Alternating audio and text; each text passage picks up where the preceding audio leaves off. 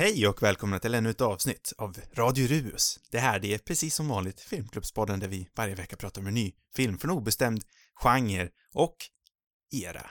Jag, jag heter som vanligt Oskar och med mig har jag också, precis som vanligt, min gode, gode vän och poddkollega Sam. God afton. Det blev en trifecta av precis som vanligt det där.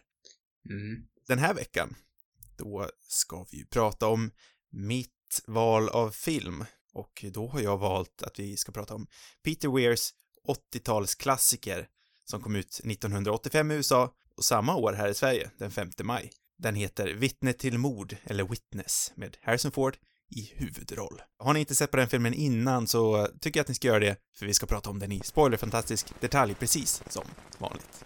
Det låter bra.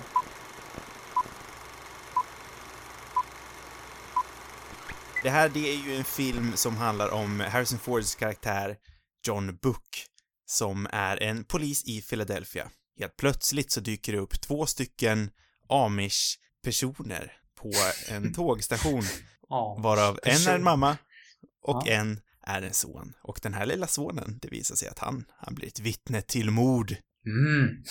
Ett mord som, jag säger det nu, utförs av den alltid lika briljanta Danny Glover. Danny. Det här vittnet till mordet, det för oss på en resa tillbaka till Amishlandet utanför Philadelphia någonstans antar jag. Jag vet faktiskt inte riktigt vart. Men eh, där spenderar vi en tid och har lite mysigt med Amish-människor och sen så kommer de för att hämnas. Amish-människorna. Nej, de här som Nej. utförde det tidigare mordet kommer för att ta ut, eller det är väl inte hämnd, men de kommer för att tysta ner Harrison Fords John Book och den lilla Amish-pojken. Jättegullig pojke. Ändå. Faktiskt rätt gullig pojke. Jag tyckte han påminde lite om pojken i eh, Marriage Story också. Ja, det kanske är det han gör. Han, eh, jag har ju sett han i något annat, upptäckte jag. Mm. Vad var det? Det var ju något ganska, det var ju roligt. För att han har fått för mig att han spelar någon ganska äcklig roll. Den lilla pojken. Ja, han heter Lukas Haas tror jag, skådespelaren. Ja, just det. Han är med i, ehm, i The Revenant. Jag läste hans eh, IMDB, men jag kommer inte ihåg han. Jag har ju sett han i en del grejer, men jag kommer inte ihåg han från någonting. Han var med i Inception. Kommer inte ihåg vad han spelade där. Nej, det kommer inte jag heller ihåg. Men jag tror han spelar ett riktigt rövhål i Revenant. Jag är ganska det är säker. Han har ju också fått det. Han är inte alls lika gullig sen som, som gammal, men som ung var han ju väldigt söt. Mm, ja, verkligen. honom? det, det kan vi ge han. Det Ja. som det, jag vet inte hur hans liv eh, efter barnskådespeleriet eh, eh, slutade, men eh, om man kan utgå från andra barnskådespelare så har hans liv kanske varit lika tumultiskt. Men, Det brukar ofta sluta med en ful hatt.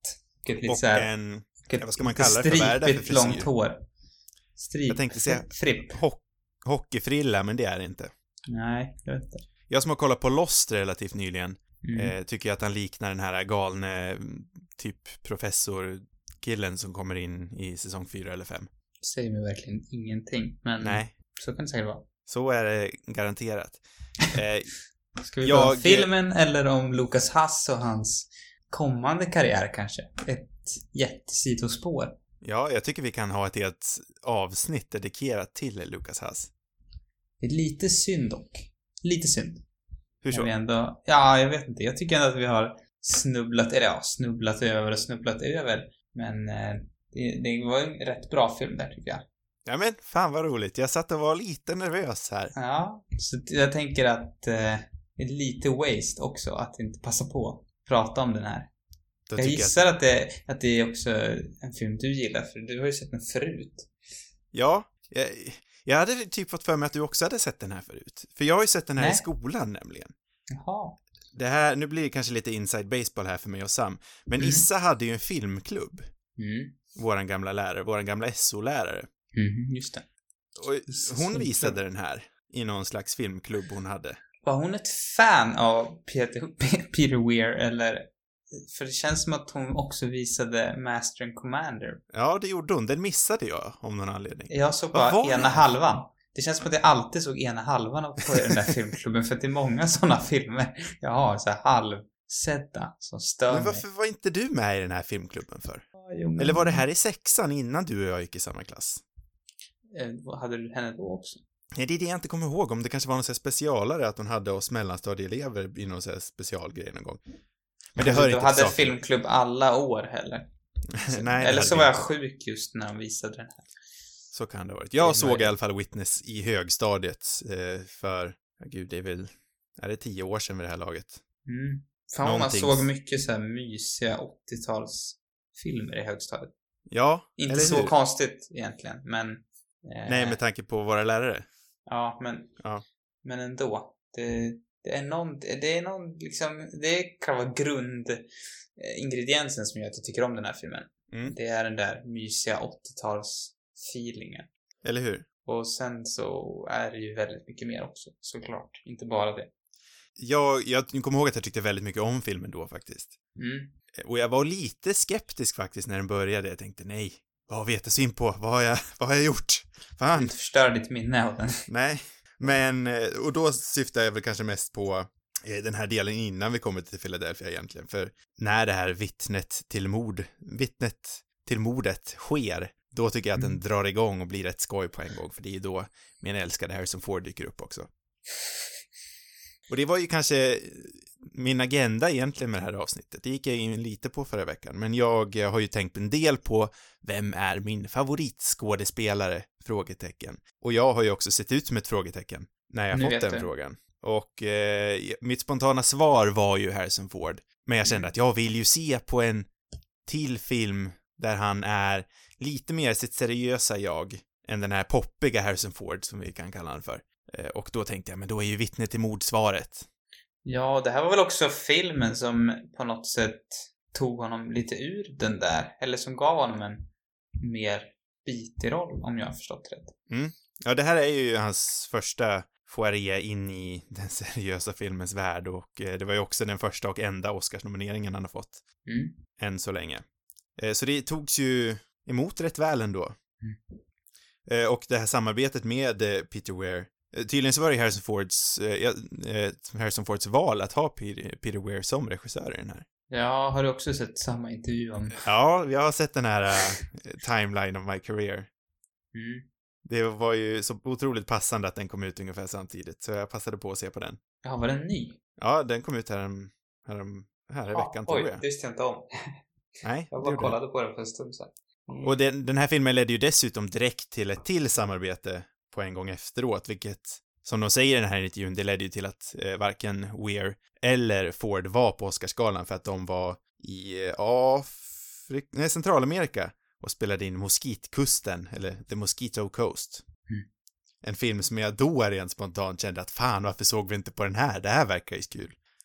Kanske inte lika kul som den här. River Phoenix är med bland annat. Det är lika mycket sidospår idag som förra gången. Men det är bra, det är bra med Ja. sidospåren. Vad slutade du egentligen? Vad, vad ställde du dig? Är det...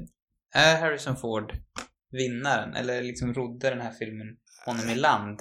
Eller vet Jag kommer inte? ihåg, eh, han, jag älskar Harrison Ford, Mm. men han är ju alltid lite, han släpper ju in lite av de här eh, hans soloismerna i den här också. Han är ju alltid lite den här eh, karismatiska, peka med fingret, det här välkända. Alltid med lite skoj i bakgrunden. Han, han är ju alltid någon slags version av samma karaktär. Men jag älskar det. Han är ju så otroligt charmig. Jag tycker ofta att det är det också som gör eh, en favoritskådis nästan. Mm. Eller för mig i alla fall. De, mina favoriter finns det ofta liksom någon sorts... Eh, alltså det finns väl i alla skådisar. Ja, Mer eller mindre såklart. Men min, en av mina absoluta favoriter, han är ju, spelar ju alltid sig själv. Herr, herr Owen Wilson. Han är ju ja. han Jag är tänkte mycket nämna- mer än Harrison Ford. Jag tänkte nämna att Tom Tompa Cruise är också en, en variation Mm. på det. Mm. de här riktiga stora filmstjärnorna har ju egentligen en, en persona de bygger upp. Som de sen, Ja, det, det tycker jag som på något sätt definierar en filmstjärna också. Ja, de har ju den här personen som de sen applicerar liksom i, i de här olika filmfacken. Mm. Och det är ju väldigt skoj. Eh, nej men så jag landar väl ändå i att jag, Harrison Ford, han är, han är min favoritskådespelare. I brist på annat. Nej. Lite i brist på annat. Jag gillar ju inte att sätta, sätta labels på sånt där, men om jag måste så är nog Harrison Ford det första som dyker upp. Du har ändå varit ute på en lång liksom, tur nu och försöka lista ut det. Jag, Mm. Fråga inte mig vad jag, vad jag har för något försvar Nej. för det. Då ska jag inte göra det. Bra. Nej, men jag, jag älskar Harrison Ford i den här filmen. Jag tycker Ja, han jag är gör också så... det. Alltså, jag har också underbar. insett hur, hur, hur underbar han är. Eller inte med den här filmen såklart, men jag har, han växer hela tiden för mig. Jag har Mm. ju inte riktigt varit något Harrison Ford-fan tidigare. Men, ja, han har det där. Han har det lilla extra. Ja. Nej, men och någonting som också slog mig precis just nu när vi pratar är att jag köper faktiskt rollsättningen med Adam Driver som hans son rätt mycket ändå. Jaha, faktiskt. För Harrison Ford har den här otroliga intensiteten, inte alls lika som Driver, för han, he's one intense motherfucker om man säger så. Men Harrison Ford har också en jävla drivkraft när han är igång. Ja, verkligen. I den här filmen är ju är det riktigt bra riv i honom ändå. Mhm. Mm. Kontrasterat med den här äh, fantastiska humorn. Mm. Jag tycker Mm. han är så jäkla rolig i hans reaktionsshots. Till exempel när han ska vara där och mjölka korna och han bara kollar upp på den här amish-gubben. Ja. Det, det är underbart. Och eh, är när bra. de sitter där i, i korvmojen, eller korvmoj kallar man det kanske inte för, men och käkar varmkorv i Philadelphias gator. Ja, ja, när pojken rapar, eller vad är det han gör för något? Ja, exakt. Ja, Ja, nej men nej. Precis, där, där ser man hans kvalitet på något sätt också. Eller hans Mm. humoristiska kvalitet kanske det är. Eller både och. Det är ju både liksom som, både dramatiskt och humormässigt funkar det väldigt bra. ja jag, på, no, på, jag har ju långt ifrån sett allt Harrison Ford har gjort, men på sätt och vis känns det här lite som den, eh, the quintessential Harrison Ford role. Mm. Kanske. För den har ju lite allting. Han får ju in de här, eh, det jag nyss kallade för hans soloismerna, det här, den här skärmiga, the charming rogue. Nu lånar jag mycket ord här. Eh, humorn, den här intensiteten. Han får in rätt mycket ändå. Mm. Allt. Ja, Får in allt. Ska- vi ge oss in på filmen? ja det tycker jag. Kanske dags. Absolut. Eh, jag nämnde att jag var lite eh, svårflörtad. Eh, jag tyckte, jag var lite svår, svårflörtad med den här filmen i början. Men den, sen den kommer in, eller svårflörtad rakt igenom? Nej, den är svårflörtad fram tills det här Ja, just det, det sa du. Vittnet som jag sa. Hur, hur eh, var din resa in i den här filmen? lättflörtad som fan. Oj, oj, oj. Nej. Nej men eh, jag tror jag är i någon sorts period där jag verkligen uppskattar så amerikansk 80-talsfilm. Ja. Eh, känner mig precis rätt mood för det. Jag är ju, nu hoppar jag in, förlåt. Jag är någonstans uppväxt med det här. Det här är ju liksom min comfort zone. Jag tror inte jag har riktigt... Jag är nog inte, jag är inte lika uppväxt med det. Och jag tror... Det är inte så att jag har funnit det nu, men... eh, Men ändå relativt nyligen kanske liksom funnit den, den sanna kärleken för det. Mm. Eh, Det är något drömst över det också, över Amerika på något vis. Mm. Och eh, jag tycker om absolut typ amerikanska 80-talsfilmer har det där drömska över sig. Eh, liksom vilka filmer det än är. Eh, och jag vet inte riktigt vad det, vad det beror på. Men, men den här, den här har ju definitivt det. Sen så är den ju den, den påminner lite grann om, om förra årets favorit Days of Heaven på något sätt. Mm. Jag tänkte på det rätt mycket jag också. Med de här rullande kullarna och Ja, precis. Vetet eller vad det är för någonting som Ja. blåser i vinden. inte alls Det- lika pittoresk, men nära. Ja, den är ju mycket, där är i den filmen är det ju bara blåsande vete. Men, men man får ändå, det är ändå mycket liknande teman här. Och det, det som också kanske förvånar är att det är ju mer egentligen ett romantiskt drama än en, än en deckarthriller som man Mm. till en början tänker sig. Och precis som, jag tror jag varit inne på båda de två senaste filmerna, va, om just filmer som eh, utgår, eh, alltså som man har någon sorts idé om att vara en sorts film och sen är något helt annat istället. Mm. Och det här är ju också just det. Ehm, det, nej, det är väl det som gör den så bra tycker jag. Ja, ja, för den spelar ju väldigt mycket på kontraster, har jag skrivit här. Eh, Ja. Den, eh, det är ju väldigt mycket, och det märker man ju också bakom kulisserna grejerna, om vi ska återgå till den Harrison Ford Timeline-videon. Där sa han ju det att eh, Weir gick iväg och utforskade Amish-folket, hur det gick tillväga, och eh, Ford gick iväg och eh, utforskade polisvärlden. Sen möttes de liksom någonstans i mitten där och, och skapade den här filmen. Ja, och det som förvånade väldigt mycket med den är att den, men den börjar ju i den här eh, väldigt typiska deckar-thriller-stilen, men ganska snabbt så, och förvånad, eller ja, det jag blev förvånad var över hur, hur snabbt han dyker upp, Danny Glover. Och Mm. hur, hur, hur snabbt eh, det blir någonting helt annat.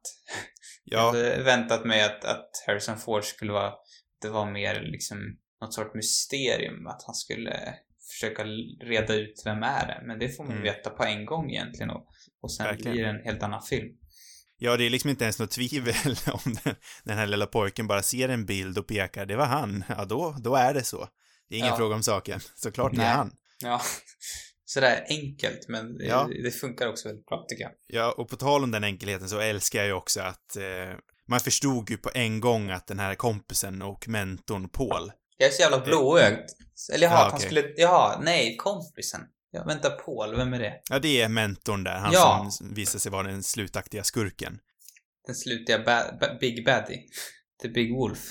Ja, precis. Ja, nej, jag, jag är så blåögd så att jag, jag, jag fattar inte det. Men... eh.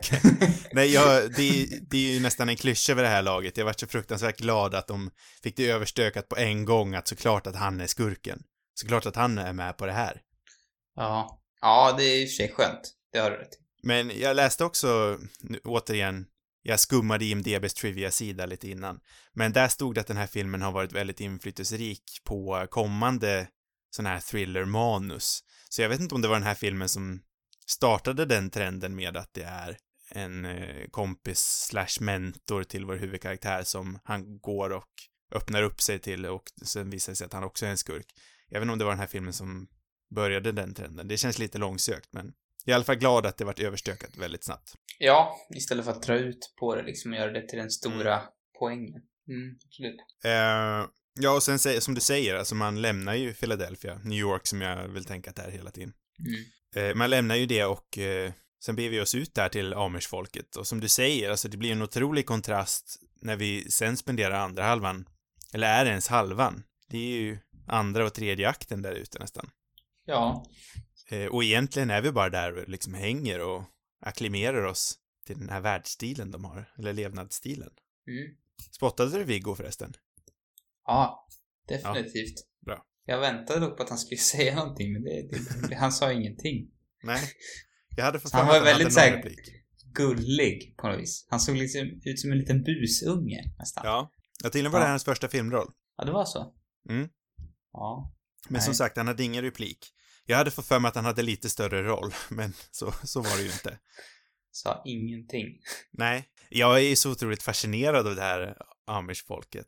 Ja, det är ju verkligen spännande. Men inte alls gjort på ett liksom, vad säger man? Det känns som en, en värdig, eh, det är lätt för mig att säga, men det känns som en ömsesidig beskrivning. Eller, det är klart det finns, det finns ju kritik definitivt Mm. mot, mot amish-samhället. Vilket jag- jag också tycker är, kan vara berättigat liksom. Mm.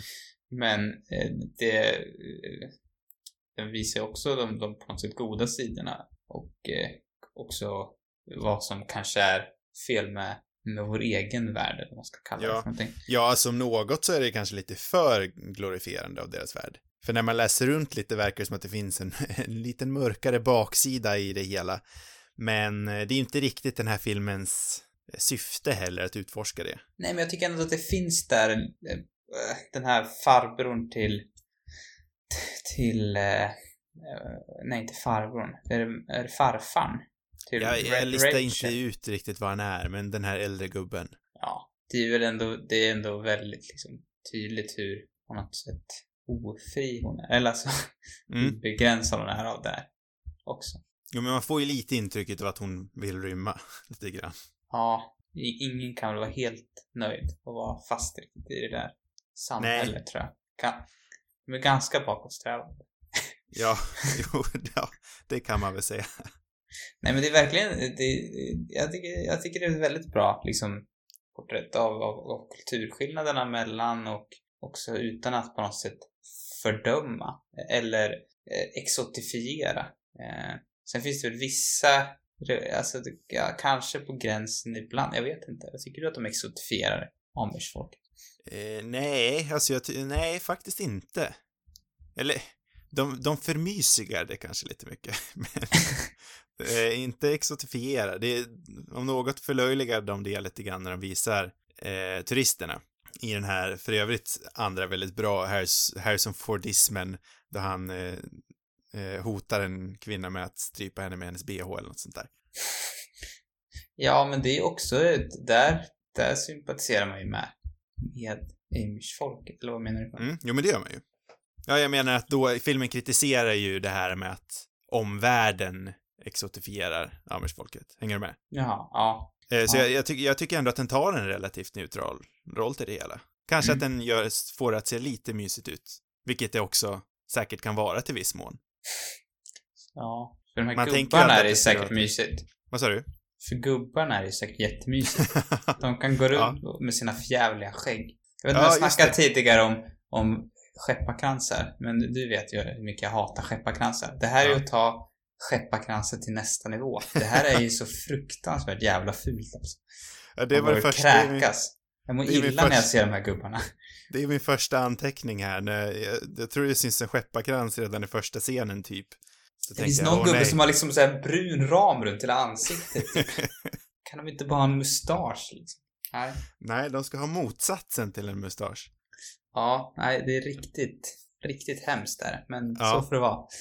Ja, nej men jag, jag tycker som sagt att eh, eh, det, hela den här Amish-delen i filmen är, ja men den, den är inte bara där för att vara där, alltså att det här är ett Amish-folk spelar liksom roll för hela filmen på något vis. Mm. För det är väl ändå relation, det blir ju ett slags romantiskt drama i mitten, eller vad ska vi säga? Ja, det tycker jag verkligen. Eh, och de här kontrast, alltså de här kulturskillnaderna mellan är ju det essentiella i det, i det dramat. Mm. Eh, och, ja, nej, så nej, jag tycker liksom att det är totalt nödvändigt att de är i, i ett amish-samhälle. Och jag älskar ju den här scenen då, i ladan, då de verkligen, världarna möts verkligen halvvägs. Mm. För de har bilen som är lite halvt trasig och de får in radion, Mm. som för henne känns det typ modernt, men för Ford vid det där laget som i 80-talets Amerika så är ju radion redan rätt så förlegad. Mm. Men för henne är det någonting väldigt modernt. Så de möts någonstans i mitten där, eh, både teknologiskt, världsligt eh, och på alla plan liksom. Mm. När de, ja nej jag tycker de möts på ett väldigt fint plan. För gubben är det dock lite för modernt. Ja, för gubben är det på tok för modernt. Men jag tycker det är ett jävligt snyggt sätt att att placera den här, att rama in den här romansen med, när, de, när det verkligen faller på plats. Jag tycker det är väldigt, väldigt bra jobbat filmiskt. Mm. De utnyttjar liksom allt de har i verk, verktygslådan. Sen, eh, jag, vad tycker du om, om eh, eh, Kelly McGillis i den här filmen? Som spelar våran huvud-amish-person. Amish-person. Det är så konstiga beskrivningar av, av Amish-personen. Det är såhär Ja. Amish-personen. Huvud-Amish-person. För Ja. återigen enligt IMDB så skulle tydligen originalmanuset eh, rama in det hela med henne ännu mer. Mhm. Hur, hur, hur då ramar in som ett Ja, skägg? det, det, det vet jag inte. Ja, som ett, som en Stort skepparkrans. Hon, Ja. är, hon är håret i skepparkransen. Och mitten är Harrison Ford. Ja. Det hårlösa. Ja, det väl vad tycker jag. Hon, hon är ju bra, tycker jag. Även här finns det, hon känns som den största risken för det här exotifierandet jag pratar om. Ja, Det det är det jag här- tänker. Att det kanske blir nästan, skulle kunna bli rätt obehagligt också med den här oskuldsfulla Amish-kvinnan. Och lite, det finns ju kanske tendenser, eller inte väl? Ja, för det var det jag ville komma in på. Framförallt i marketingmaterialet, absolut. Om du kollar på de tyska posterserna. Nej, det har jag inte gjort. Hur ser de ut? Nej, nej det, det har bara tagit från den här väldigt sensuella badscenen. Ja, Eh, det är det posterserna bygger på. jag förstår. Eh, Nej, för den de scenen... får inte in mössan där tyvärr, det är lite synd. Det hade Ah. liksom nailat det kanske. Fan. Det finns också någon stillbild här när hon sitter med, lite erotiskt nästan med en halmstrå i munnen. Så det, det finns väl vissa sådana tendenser kanske som kan vara lite obehagliga. Men det, det kanske är mer ett marketingtrick än filmens själva, eh, ska man säga, idé. Ja. Nej, för det var därför jag ställde frågan. Eh, för jag tror absolut att eh, det, det är så lätt att den här rollen skulle kunna vara mer problematisk än vad jag ändå tycker att den slutar som. Mm. Sen är väl jag kanske inte den eh, perfekta personen att prata om det här, men i, i mina ögon så är den nära att vara problematisk den här, men jag tycker ändå att den spelar rätt eh, snyggt med det här finliret. Den här, den här scenen då hon verkligen blottar sig totalt för Harrison Ford och vänder sig om. Det hade ju kunnat varit, det är svårt att hitta en 80-talsfilm med actioninslag som inte innehåller naket. Och såklart måste ju den här filmen också ha det. Men Mm. här har det ändå ett syfte någonstans. Mm. Jag, jag tycker det är en rätt fin scen faktiskt. Där hon tyst bjuder in honom. Det är en tyst inbjudan till, till eh, samlag. Ja. Ford, han, han säger respektfullt, jag önskar att det kunde, men nej, vi kan Så. inte. Sa han så? Det var det han sa med sina ögon. Ja. Du måste spana in i hans två blå. Ja, han hade en väldigt spännande blick, minns jag. Mm. Hur, vänta, hur var, hur var den? Var den... Ja, den är ju helt tyst egentligen. Ja, men hans blick sa väldigt mycket. Ja, ja han, Han var lite skamsen, va? Ja, han känns lite Väldigt så skamsen. För först, för först så står han ju där och kollar på väldigt pervigt. Mm, han pervar loss. spionerar lite och då vart jag, som sagt det var tio år sedan jag såg den här filmen så jag kommer inte riktigt ihåg.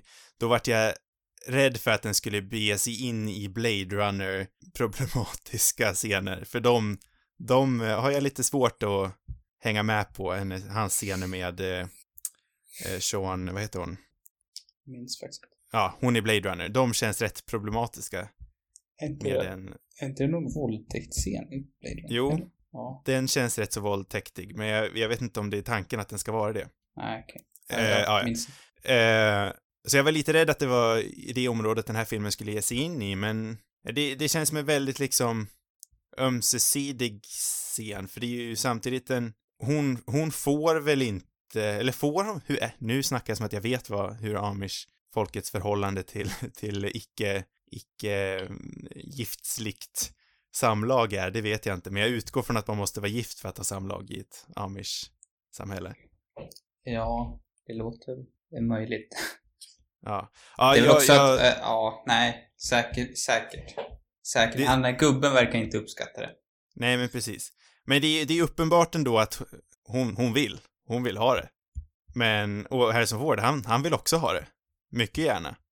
Men jag tror båda två att, jag tror att båda två ändå förstår någonstans att det, det är inte riktigt menat det här. Och det är det som gör slutet så fint också, för det är också en tyst scen. Jag tycker det är skitsnyggt att hur Peter Weir jobbar med tystnaden här. Och den Mm. sista scenen var ju inte ens menad att vara tyst. Tydligen var det tio sidors manus som de inte kunde spela in för att Ford var sjuk, tror jag. Mhm. Det är många sådana här fantastiska scener i Fords eh, karriär som verkar vara total slump för att han var sjuk. Det är samma sak med den här Indiana Jones-scenen då, då han skjuter mannen med, med svärdet. För Det var också för att Mm. han var sjuk.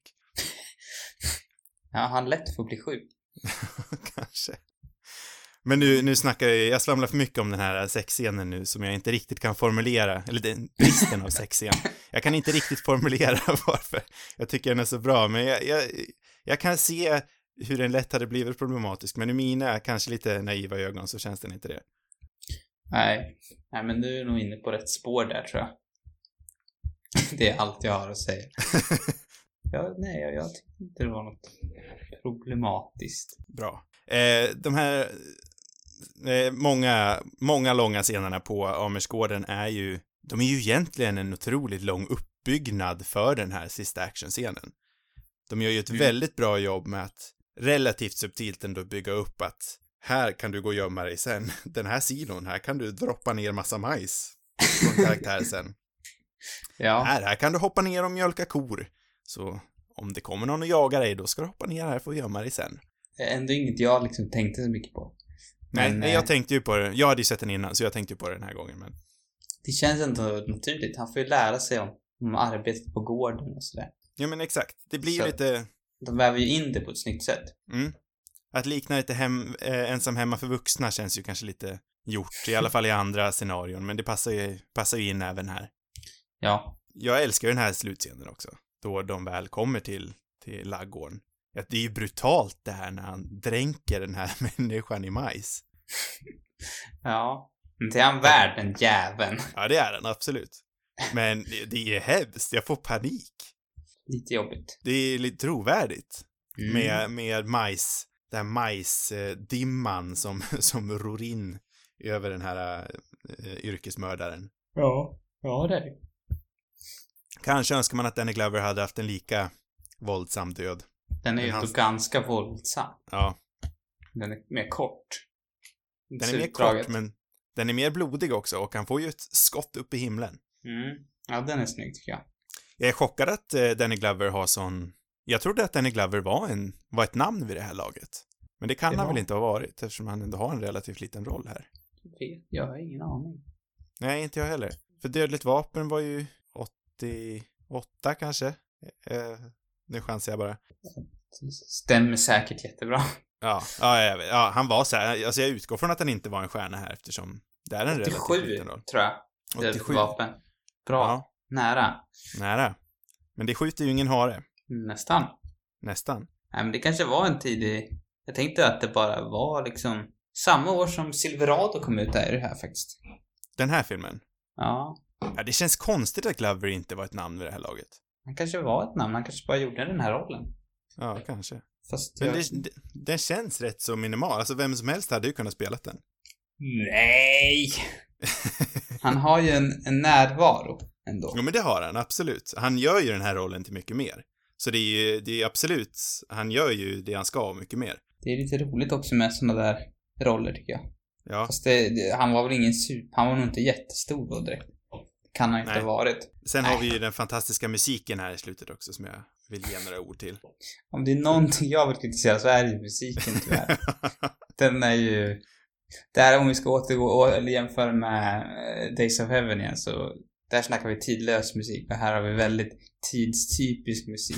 Sen så tycker jag att det finns också såklart en, en charm i den här 80-tals tunga Mm. musiken. Eh, Kontrasterat till den gammeldagsiga ja, amish-scenografin. ja, det klickar ju inte riktigt. Nej, inte riktigt. Men det är ju bara där den verkligen kommer in. Annars är det för lite mer stråkar och sånt, va, eller?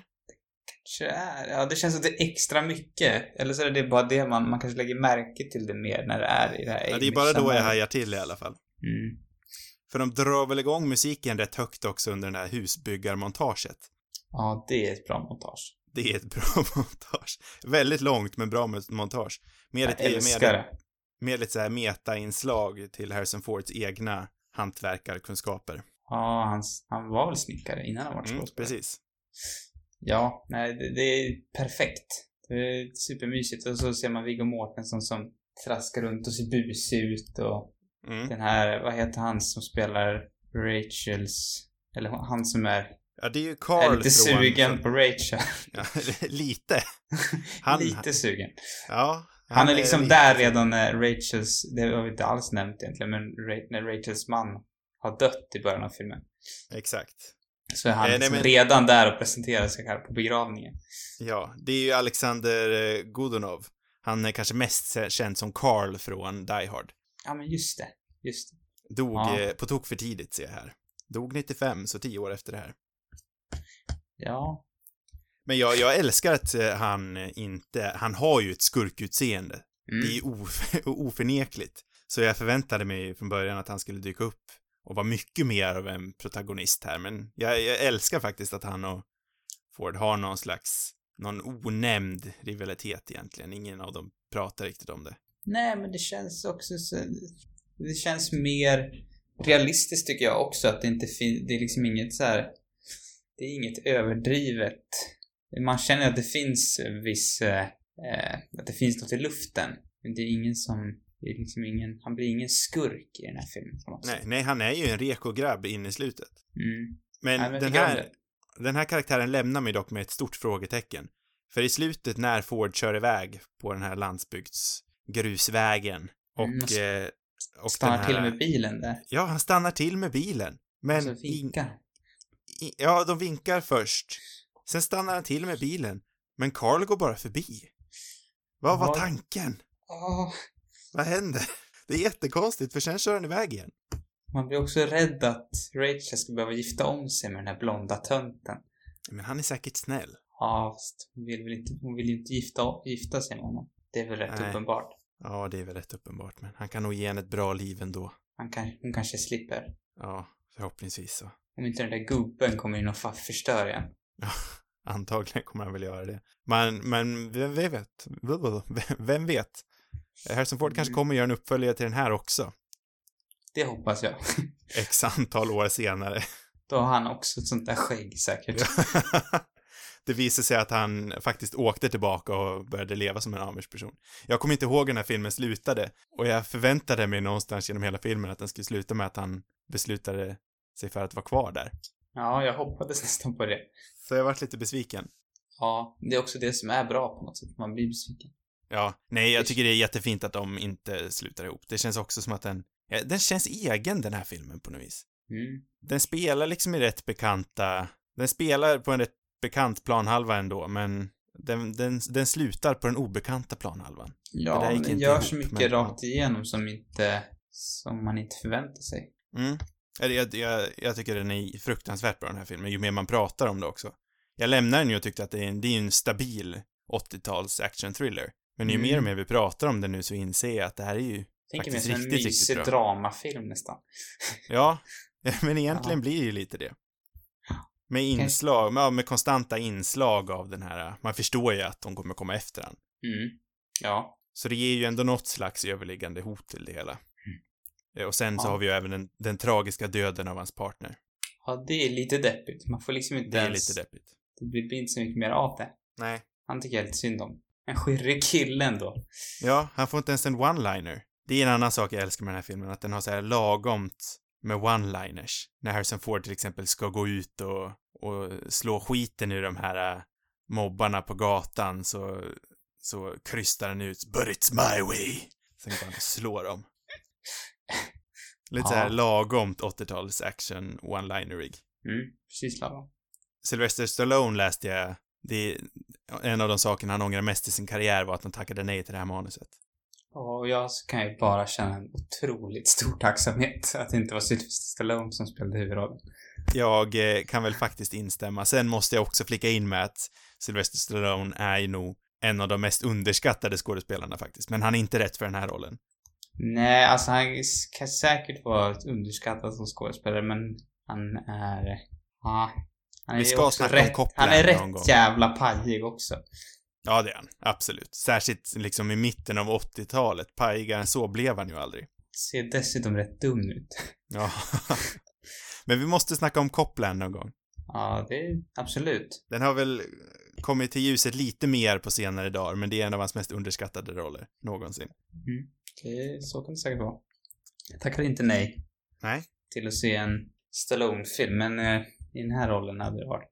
Det hade varit en hädelse att se Ja. honom ersätta. Det kan jag faktiskt hålla med om. Innan vi rundar av, vilket jag känner att det är dags för nu, för jag har nämnt allting på min lista i alla fall, så eh, Mm. vill jag bara kasta in en, eh, en liten snabb shout-out eh, till min favorit, eh, till mitt favoritskämt i den här filmen, och det är ju när Ford och Lover hamnar i en shootout i hans garage och den här tanten kommer ner och skriker om att det är hennes bil. Det känns som att det kommer från Ja. en helt annan film.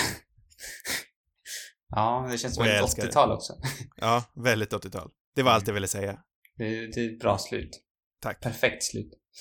Och med det fantastiska och eh, väldigt sammanhängande slutet så vill jag att du ska nämna vilken film vi ska prata om nästa vecka. Eh, ja, jag har till slut lyckats hitta en film jag känner mig hyfsat nöjd med i alla fall. Efter att flera misslyckanden att lyckas hitta någon, få tag på vissa filmer så, så har jag till slut hamnat på Häftigt drag i plugget från 82.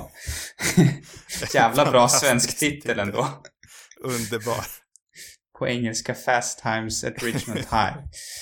Säg det en gång till. Häftigt drag i plugget, sa du så? Häftigt drag i plugget. Det är ju, det är ju briljant. Varför, varför har vi inte svenska titlar på filmerna mer? Eh, kanske på grund av den titeln. Nej. Starkt argument kan göras för det. Jag tror det finns ibland. Eller gör det inte det? Ja, ibland finns det, men det är ju rätt så jävla tråkigt. Det är typ som när Avengers heter Avengers Assemble istället, eller något sånt där tråkigt. Fast det är ju inte en svensk titel. Det är ju Ja, en europeisk titel. mm, det har du rätt i. Jag tror det finns några svenska faktiskt. Ja, men det de är- kommer på såna här typ lite, eh, så här väldigt Hollywoodiga, eh, lite så här Oscarsfilmer känns det som ibland kan få en svensk titel. Ja, en, ehm, en kvinna Eller- bland män. Ja, men vilken fan var det? Var det den där... eh, Ja, vad hette den på engelska? Det var ju den här med, eh, med Army Hammer och... Eh, Ja, Felicity Jones, den här om Ruth Bader Ginsburg. Exakt. Den Just gav dem en svensk titel, det har du rätt i. Så lite, ja men den sortens filmer, det var ett perfekt exempel. Men eh, det är ju inget häftigt drag i plugget. Nej. Nej. Den, Det är, det är en briljant titel. ja men det är väldigt svenskt på något sätt. Tredje filmen på rak nu är 80-talet, det är skoj. Då ska jag välja en fjärde efter det. Häftigt drag i plugget eh, går att hyra på SF Anytime, eh, Apple TV som det heter nu för tiden och tydligen finns det på Microsofts hyrtjänst också. Och säkert även på Google, så Varför De flesta inte kolla, ställena. varför inte kolla Microsoft? Där kanske alla mina filmer finns. Ja, det var nu. Jag ville att vi skulle kolla på Red Dawn här. Åh, det är den jag ska välja till nästa gång. En riktig 80-tals actionfilm. Vilken idé. Det har ju eh, Harry Dean Stanton med också i hans kanske bästa roll någonsin. Jag har bara Åh. sett hans, jag har bara sett hans scen. Jag har aldrig sett hela filmen, men det är så här underbart härlig tonårs actionrulle med Patrick Swayze, Michael Sheen och, Jävlar vad härlig den ser ut. eller inte Michael Sheen, utan vad heter han? Eh, Sheen-pojken. Charlie Sheen. Charlie Sheen. Ja, den här ser Den- härlig ut. Den såg jag fan, jag visste inte heller att Microsoft hade en hyrtjänst, men där fanns den. Nej, otroligt. Den ska vi se på efteråt. Fan, Vi bara 80-talsmånad. fortsätter. Häftigt drag i plugget oavsett finns alltså på de flesta hyrtjänsterna, så se på den där. Fler avsnitt, de hittar ni ju på cinemarubus.com. Där finns också arkiverade avsnitt, alltså alla eh, avsnitt eh, som... Ja, jag vet inte vad jag ska säga. Eh, eh, nyare avsnitt finns också på eh, de flesta poddapparna, det vill säga Apple Podcast, Spotify eller andra poddappar helt enkelt. Har ni frågor och vill ha svar, skicka in dem till cinemarubus.gmail.com. Sociala medier, det har vi också. Där vi Cinemarubus på Instagram och Twitter. Godnatt, Sam. God natt.